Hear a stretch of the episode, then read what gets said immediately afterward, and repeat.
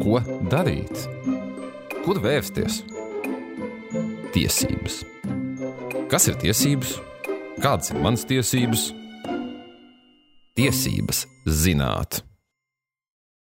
Laipni lūgti raidījumā Tiesības zināt. Esmu tā vadītājs Kārlis Arājs. Parāds nav brālis. Šo teicienu zina itin visi, taču ir reizes, kad no tā vienkārši nevar izbēgt. Ja nauda tiek laicīgi atdota, tad īstu bēdu jau nav. Bet nu, ko darīt situācijās, ja sanāca aizkavēties ar parādu atmaksu un nu, parāda piedzinējs nu, jau kvalvē pie durvīm? Uh, nu, Principā, ko darīt, ja sanāk atapties parādu jūgā, no kuram nevar ne galu, ne malas redzēt? Kā rīkoties, lai bankas konts, kurš tiek izmantots ikdienā, pēkšņi netiktu bloķēts un Kā vispār tikt ārā no šādas bedres? Par šiem un citiem jautājumiem mēs šodien sarunāsimies ar Latvijas zvērinātu tiesu izpildītāju padomes priekšsēdētāju Ivetu Kruku. Sveiki! Jā. Sveiki. Nu, mans pirmais jautājums iespējams ir pats būtiskākais un nebūtiskākais vienlaicīgi. Vai es varu aizņemties un neatdot naudu? Nē, gluži tā nevar. Tas uh, nebūs nec uh, godprātīgi, nec arī atbilstoši likumam, jo uzņemtās saistības ir, ir jāpilda. Ir uh, likumā teiksim, dažādi regulējumi, kas palīdz šīs saistības atdot samērīgi, jo skaidrs ir, nu, dzīvē mēdz būt dažādas situācijas. Un, protams, šeit nav stāsts par to, ka ir jādod viss līdz, līdz pēdējiem. Ir, protams, likumā noteiktās summas, kas viennozīmīgi tiek saglabātas, lai nodrošinātu cilvēka iztiku.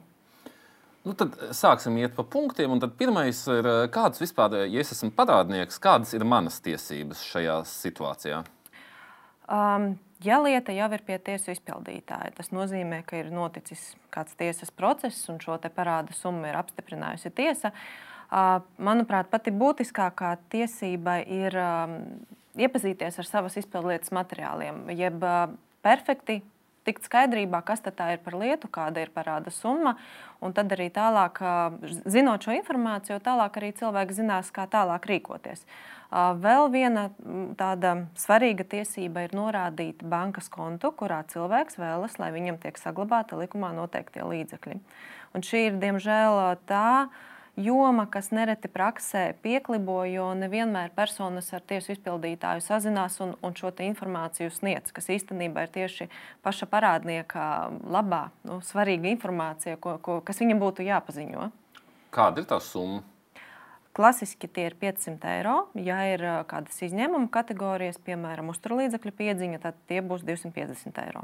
Mm. Un, un kādēļ tieši ir svarīgi šo kontu norādīt? Um, ja personai ir vairāki bankas konti, tad uh, teorētiski var būt situācija, ka šī summa tiek saglabāta kādā citā bankā, kuru iespējams cilvēks ikdienā nemaz neizmanto, kur ir šī nu, teiksim, neaktīva banka vai neaktīvs konts. Tāpēc ir svarīgi norādīt, kurš tad ir šis cilvēkam vēlamais bankas konts, kurā viņš vēlētos likumā noteiktos līdzekļus saņemt. Un šī vēlme uh, viennozīmīgi tiks respektēta. Uh, un, ja tas netiek izdarīts, tad var vienkārši sanākt situācija, ka pērkot pelmeņus, bankas karte rāda, ka ir uh, viss. Ja? Jā, tieši tā. Mm -hmm.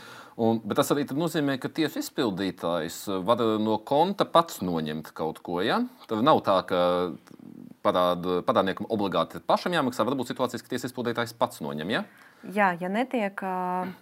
Ja parāda summa netiek, netiek likumā noteiktajā termiņā apmaksāta, šī bankas konta apkīlāšana ir viens no piespiedu izpildes veidiem. Un tad, jā, ja, ja nu, teiksim, tā, kontā ir nepieciešamie naudas līdzekļi, viņi tik, var tikt apkīlāti un pārskaitīti parāda piedziņai. Un, ja tas konts nav norādīts kā tas uh, pamata konts, nu, kur ir izdzīvošana, izņēm, jā, jā, tad, tad uh, faktiski visi līdzekļi, kas ir nepieciešami, lai saktu parādu, tikt apķīlāti. Ja? Jā, ja parādnieks nav sazinājies un norādījis, ka tieši šis ir viņa aktīvais konts, konts tāda uh, teorētiska iespēja var būt, bet arī tad, uh, pats galvenais. Uh, Pat ja cilvēks to nav izdarījis, varbūt laicīgi uzreiz, tad, kad tas bija jāizdara, mans ieteikums. Pērkot pelmeņus, ja konstatē, ka karte nestrādā un, un sazinoties ar banku, pasaka, ka šis ir, ši, ir apķīlāts konts, un, un banka noteikti arī pateiks konkrēto tiesu izpildītāju, tad nekavējoties ir jāsazinās ar šo konkrēto tiesu izpildītāju un, un, un teiksim, nu, jānotiek šai sarunai. Ir jāpasaka, ziniet, nu, šis konts ir tas mans aktīvais konts, kurā es vēlos, lai man saglabā likumā noteiktos līdzekļus. Un tad arī tiesu izpildītājs spēj šo te, teiksim, limitu palielināt, un, ja ir teiksim, tā, ieturēti līdzekļi, kas tomēr bija jāsaglabā cilvēkam, viņi arī tiks atmaksāti. Bet ir jābūt saziņai pēc iespējas ātrākai. Un praksē ir bieži šādi gadījumi? Jā, protams, jo nereti tad, ja cilvēkam ir tikai viena, viena banka, tad šādas problēmas nerodas. Bet uh, praksē mēs novērojam, ka pārsvarā tiešām cilvēkiem ir vairākas bankas, un ja šī saziņa nav notikusi, tad nu, tas ir tāds. Uh, Kafijas biezumos izzīmēts pasākums, kurā, kurā bankā tad šos 500 eiro cilvēkam saglabāt. Jā, un kā ar pabalstiem, piemēram, ja saņem uh, māmiņu pabalstu, invaliditātes pabalstu vai kādu citu pabalstu, vai tie arī tiks apķīlāti, vai tie ir uh, izslēgti no šīs apķīlāšanas? Um. Arī šeit ir nepieciešama saziņa ar tiesu izpildītāju, jo viens no tādiem izplatītiem mītiem uh, man klienti parasti zvana un saka, nu, paskatieties datorā, jūs taču visu tur redzat. Nē, tiesu izpildītājs un manuprāt, tas ir pareizi. Tiesu izpildītājs neredz konkrētā cilvēka konta apgrozījumu. Vai tur ienāk pabalsts, laimests, dāvana vai darba alga. Šī informācija tiesu izpildītājiem nav pieejama. Mēs tikai nosūtām rīkojumu bankai, pasakot, kāda ir piedzinamā summa un kāda summa ir jāsaglabā. Lai tiktu pareizi saglabāta summa, tad uh, ir jābūt šai komunikācijai. Cilvēkam ir uh, nu, teiksim, jāsniedz ziņas, es saņemu piemēram, māmiņu algu, valsts ģimenes pabalstu, vēl man maksā uzturlīdzekļus. Un, nu, nezinu, un varbūt katru mēnesi man tur um, radīja ieskaita kādu vēl summu. Tad tiesa izpildītājs no šīs informācijas arī teiksim, zinās, un, ja ir kāda summa, uz kuru nevar vērst piedzi, piedziņu, tad šī summa tiek papildus saglabāta. Piemēram, bērnu uzturlīdzekļi. Tā ir izņēmuma summa, un viņai ir jāsaglabā papildus. Kādas vēl ir izņēmuma summas? Tātad visi sociālā nodrošinājuma pabalsta veidi. Arī, piemēram, šis pabalsts sakarā ar energocenu kāpumu 50 eiro ģimenēm ar bērniem un 20 eiro senioriem. Arī šis senioriem izmaksājamais 20 eiro pabalsts par vakcinēšanos, arī tās ir izņēmuma summas. Un, ja vien par to mums, ar mums sazinās, ar tiesu izpildītāju sazinās, tad šīs summas arī tiek papildus. Tātad pie šī 500 eiro vēl liktas klāt šīs papildus saglabājumās summas. Mm -hmm. Uh, bet vai cilvēks arī kaut kur var vērsties, ja viņam ir aizdoms, ka tiesas izpildītājs ir iespējams rīkojies nu, ne līdz galam korekti, ne līdz galam varbūt likumīgi pat. Uh -huh. uh, kur cilvēks var vērsties, ja, piemēram, ar to tiesu izpildītāju nu, nu, viņš ignorē, piemēram, šo, šīs sūdzības? Jā, protams. Uh, Tātad, jebkurā gadījumā tiesu izpildītāja gan rīcība, gan arī bezdarbība par jebkuru, gan tātad aktīvu darbību, gan arī pasīvu darbību, puses var iesniegt sūdzību tiesā, un tad tiesa izskata šo tiesu izpildītāja rīcību vai bezdarbību tīri no likuma viedokļa, un tad dod šo savu, teiksim, skaidrojumu, jeb lēmumu, vai tiesu izpildītājs ir rīkojies pareizi vai nepareizi.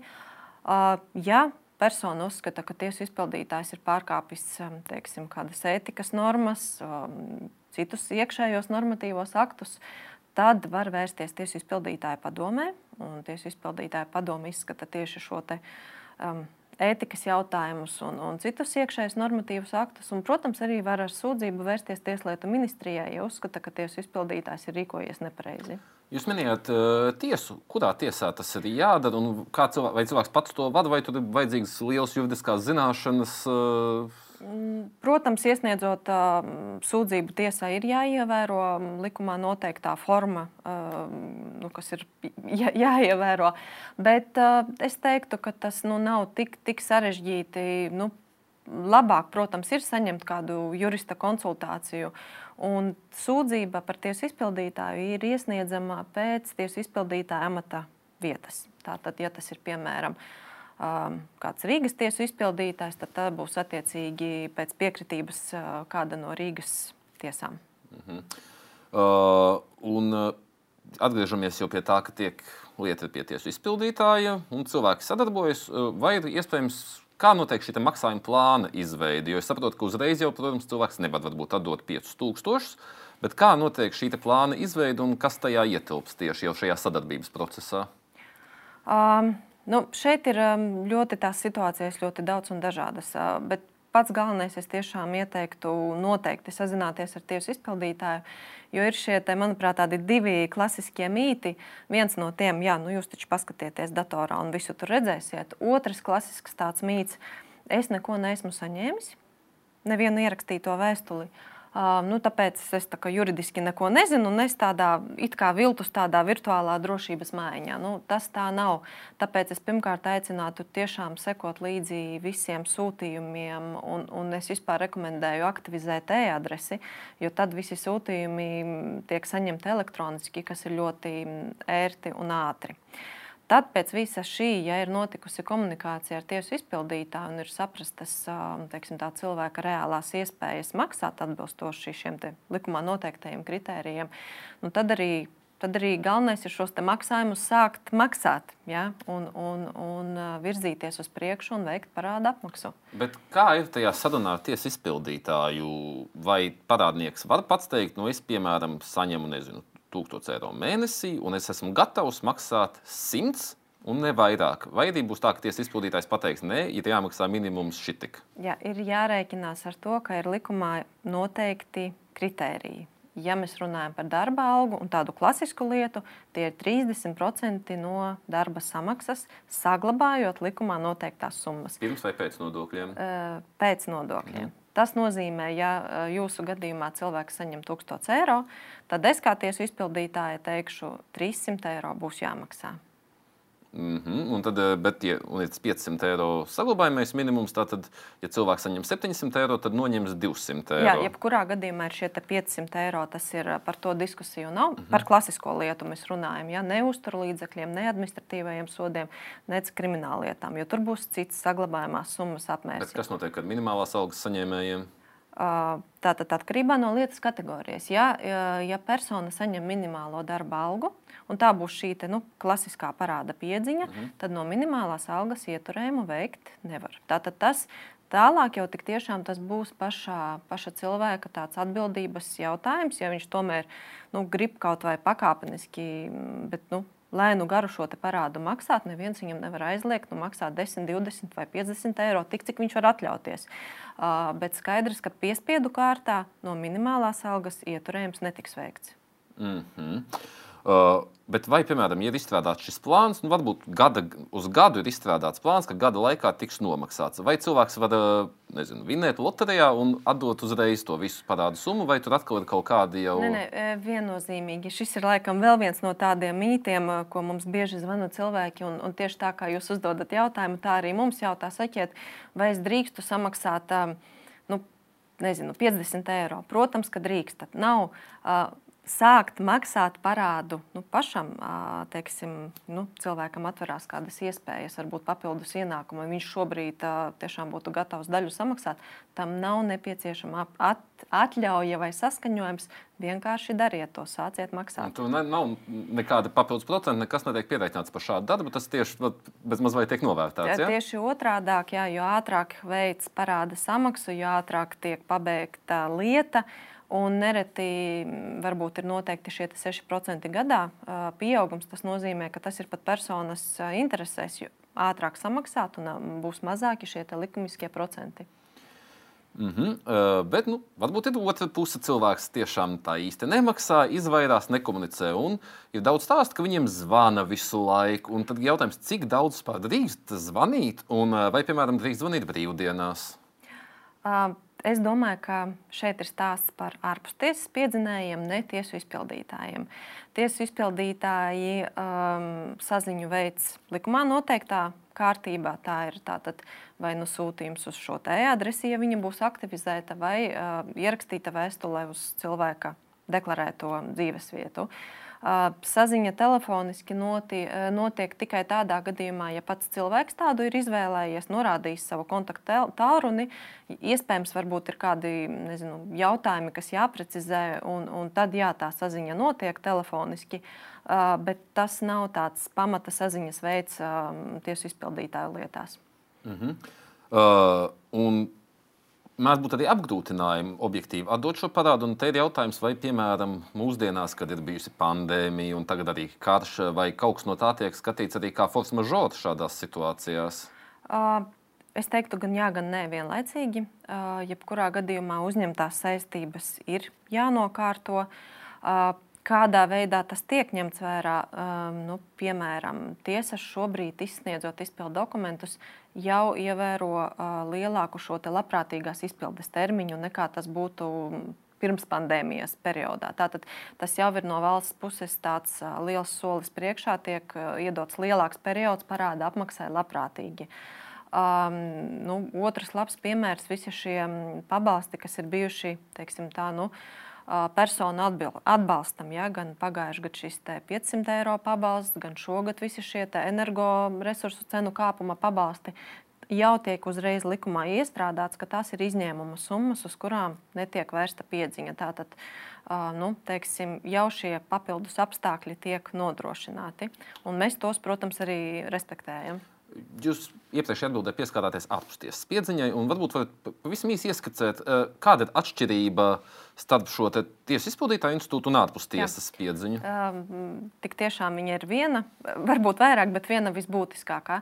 Tiesu izpildītājs darbu sāk vienīgi un tikai tad, ja par šo lietu lēmusi tiesa. Tātad, ja ir bijusi tiesa, ir bijis tiesas spriedums vai lēmums par piedziņu, tad arī strādā tiesu izpildītājs. Ārpus tiesas piedzinēja veic savas funkcijas, lai atgūtu parādu. Un, uh, es domāju, ka viņa mērķis arī tieši ir nu, neiesaistīt tiesas procedūru, bet vienoties ar parādnieku par parāda samaksu pirmstiesas ietvaros. Mm -hmm. Uh, vai parāda piedziņa var tikt vērsta arī pret mantojumu, kad cilvēks, piemēram, saņem māju vai finansiālus līdzekļus, vai pret šo var vērst arī parāda piedziņu tiesas izpildītājs? Mm, teorētiski var, jo visu, ko cilvēks manto, tas kļūst par viņa īpašumu. Šeit arī jāsaprot, vai mēs runājam par šīs mirušās personas a, saistībām. Par abām. Es jā, biju cerējis turpināt šo tieši par abiem gadījumiem. A, nu, tad, a, abos gadījumos es teiktu jā, bet, protams, ir savas tā kā nu, juridiskas nianses. Ja mēs runājam par mirušās personas atstātajām parāda saistībām, tad, protams, ir šis klasiskais uh, princips, ka mēs mantojam visu gan mantu, gan arī parādus. Bet šeit ir jāpaturprātā, ka uh, kreditoriem ir jāpiesaka savas kreditora prasījumi, prasījumi pie notāra. Otra lieta, ko es noteikti ieteiktu, tad mantot ar inventāra tiesību. Ko tas nozīmē? Tas nozīmē, ka mantinieks atbildēs tikai ar mantoto mantu, bet ne ar savu personīgo. Un, ja nu ir tāda situācija, ka tās saistības ir tik lielas, ka pat pārsniedz varbūt mantotās mantas vērtību, nevajadzēs iesaistīties pašiem ar savu personīgo mantu. Un savukārt, ja mēs runājam par mantinieku, tātad pašam mantiniekam ir parāda saistības. Jā, protams, ja viņš mantos īpašumu, nu, tā kļūst par viņa mantu, un uz tādu mantu varēs vērst piedziņu. Bet, piemēram, vai tādu piedziņu var vērst arī nezinu, pret eh, nekustamo īpašumu? Viennozīmīgi. Tad, ja, tad, ja ir situācija, ka cilvēkiem ir parādi 10-20 tūkstoši eiro apmērā, un viņam pieder dzīvoklis, tad arī pret šo dzīvokli, kā tas izpaustos, tad dzīvoklis tik daļai apķīvots, vai viņš pārdot, tiktu pārdots, vai kā, kā tas notiktu? Um, nu jā, ja ir tāda situācija, kad, kad šie te, nu, parādi netiek maksāti un, un visas citas uh, metodes ir izsmeltas, un tiesu izpildītājs nonāk pie secinājuma, ka ir jāvērš piedziņa uz nekustamo īpašumu, tad tiek tā tas arī saucās, piedziņa uz nekustamo īpašumu, iedarbināta šī speciālā procedūra, tiek veikts nekustamā īpašuma novērtējums. Par to ziņots pusēm, tiek izsludināta izsole, kas notiek elektroniskā formā. Un pēc izsoles teiksim, rezultātiem, ja tas ir kāds kāda persona šo īpašumu ir nosolījusi, tad tiesas izpildītājs vēršas tiesā ar lūgumu apstiprināt izsoles aktu, jo nekustamais īpašums nu, ir svarīgs. Teiksim, tāds īpašuma veids un šo īpašuma pārdošanas rezultātu ir jāapstiprina tiesai. Tiesa tad arī pārbauda, vai ir ievērots viss no procesa viedokļa, un, un tad arī lemj, vai apstiprināt izsoles aktu. Un kā tiesu izpildītājs pārliecina tiesu, ka tiešām ir izsmelti visi līdzekļi. Kurš ir tas uh, slieksnis? Ah, šeit ir jautājums par samērīgumu. Ja? Un, uh, tas katrā lietā ir ļoti individuāls lēmums, jo ir atkarīgs gan no parāda, paša parāda gan pēc summas, gan pēc veida, vai mēs runājam par administratīvo sodu, vai mēs runājam par uzturlīdzekļu piedziņu. Arī svarīgs nekustamais īpašums, kas tiek pārdots, vai tas ir piemēram dzīvoklis vai nezinu, mm, mežs vai, vai, vai kaut kāds cits. Tātad viss šis apstākļu kopums um, ir tas pamats pieņemt šo lēmumu, vai, un, protams, arī šie citi piespiedu izpildes līdzekļi. Ja, ja parādniekam nav mantas, nav ienākumu, uh, viņš arī pats neko nemaksā. Tad, protams, un vienīgais, ja ir vienīgais, kas viņam pieder, ir šis nekustamais īpašums, tad būs jāvērš piedziņā arī pret nekustamo īpašumu. Bet par to samērīgumu es gribētu jautāt, ja parāds, piemēram, ir 10,000 un dzīvokļu vērtība, piemēram, ir 100,000, nu, par ko viņš arī tiek izsolē pārdots, tie 90,000, kas paliek pāri, nonāk kur? Viņi tiks atmaksāti parādniekam. Mhm. Pēc tātad visu parādu saistību dzēšanas pāri palikušie naudas līdzekļi tiek atmaksāti parādniekam. Mm -hmm. uh, nu, mēs jau runājam par visādām sakām, kas ir tīri šādas te. Bet kādas varētu būt sakas tiem cilvēkiem, kas mēģina apiet šo parādu piedziņu? Nu, saņems naudu tikai skaidrā naudā, nedeklarējot, tur bez bankas kontus nelietos. Uh, nē, nu, protams, viss ir atkarīgs. Gan no cik, cik tālu cilvēks iet šādi izvairoties no, no parāda apmaksas. Nu, jāpaturprātā, ja mēs piemēram runājam par uh, uzturlīdzekļu ļaunprātību, ļaunprātīgu nemaksāšanu, tad var draudēt arī krimināla atbildība. Un, un tas tā ir tāds, nu, diezgan nopietns jautājums, un, un ar tām sekām ir jārēķinās. Jo tik tiešām šeit ir jānošķir divas lietas, ka cilvēks nu, objektīvi tā dzīvē mēdz gadīties. Nezinu, ir mm, kādu īslaicīgi nespēja atrast darbu, un tas ir tikai varbūt tāds īslaicīgs jautājums. Bet, nu, ja tas ir ilgstoši un ļaunprātīgi, tad nu, tiesību sargājušās instances vienmēr to arī izanalizē, un tās sekas ir diezgan nopietnas. Uh, vēl viens tāds interesants jautājums ir. Uh, Kā ir ar precētiem cilvēkiem, un vai, piemēram, sieva ir atbildīga par vīra parādiem un otrādi? Kā tur tas dalījums, vai, teiksim, šo parādu piezīmi var pret sievu sākt vērst, ja redz, ka vīrs nu, neko nedara un sieva pelna labi? Nē, nu, pirmkārt, ir jāsaprot, kāds ir šo laulāto mantisko attiecību režīms, vai tas ir likumiskais vai tas ir līgumiskais. Jo, ja ir starp laulātajiem, piemēram, noslēgts laulības līgums par visas mantas šķirtību, tad šeit ir arī atbilde. Nē, nevarēs, jo mm, sieva un vīrs jau tā ir vienojušies, ka, ka šis laulāto manti, mantisko attiecību veids būs katram pašam savs. Ja? Uh, Ja mēs runājam tas, kas izriet no, no likuma, un um, salīdzinoši Latvijā laikam tas nav raksturīgs uh, pasākums kā laulības līguma slēgšana, tad jā, viss, ko laulātie iegūst uh, laulības laikā, ir laulāto kopīga manta. Un teorētiski uz šo te laulāto kopīgo mantu var vērst piedziņu, nu, attiecīgi uz šo vienu pusi, ja tas ir um, laulības laikā, piemēram, iegūts nekustamais īpašums, uh, un tam otram laulātājam ir nenokārtotas saistības, tad uz pusi no šī īpašuma piedziņu varēs vērst. Bet eh, šeit atkal ir dažādi teiksim, šie te personu tiesību aizsardzības mehānismi. Ja, ja nu, teiksim, šis te otrs laulātājs var griezties tiesā ar saviem pierādījumiem, lai pierādītu, ka nē, nu, piemēram, tā manta tomēr ir tikai par maniem līdzekļiem iegādāta manta, un tad tiesa šo jautājumu nu, izlemj un var arī piedziņas atzīmi dzēst. Un kas notiek, ja, piemēram, šāds līgums par mantu šķirtību tiek noslēgts brīdī, kad jau tai vienai pusē tie parādi ir ujujuj kādi? Nē, nu šeit ir, jā, nu tas ir atkarībā no šī brīža, kad ir uzliktas piedziņas atzīmes un, un, un kurā brīdī noslēgts šis līgums. Nu, skaidrs, atpakaļejošu datumu jau arī. Skaidrs, nu, skaidrs, ka nevar ar atpakaļejošu datumu, jo šie laulāto līgumi ir jāreģistrē uzņēmuma reģistrā. Un, nu, par to mēs tur nestrīdēsimies, jo tas ir skaidri redzams, kurā brīdī šis līgums ir noslēgts. Tāpēc es aicinātu šos jautājumus pārdomāt laicīgi tik tiešām vienoties, vai, vai nu, tas ir laulāto šis mantisko veids, vai tā ir manta šķirtība vai kopīga manta. Un, un daudzi jautājumi vienkārši nebūs aktuāli tad, tad ja viņi, nu, tā problēma uzradīsies. Uh, noslēgumā gribētu vaicāt, vai kaut kas, ko es neesmu pajautājis, ko jūs gribētu teikt, nodot uh, mūsu skatītājiem un klausītājiem nu, par tiesu izpildītāju darbu, par uh, parādiem, par Tā teikt, brīvais mikrofons jums. Jā, paldies. Es noteikti gribētu pateikt, ka parāds nav brālis. tik tiešām nav un aicinātu šos jautājumus risināt.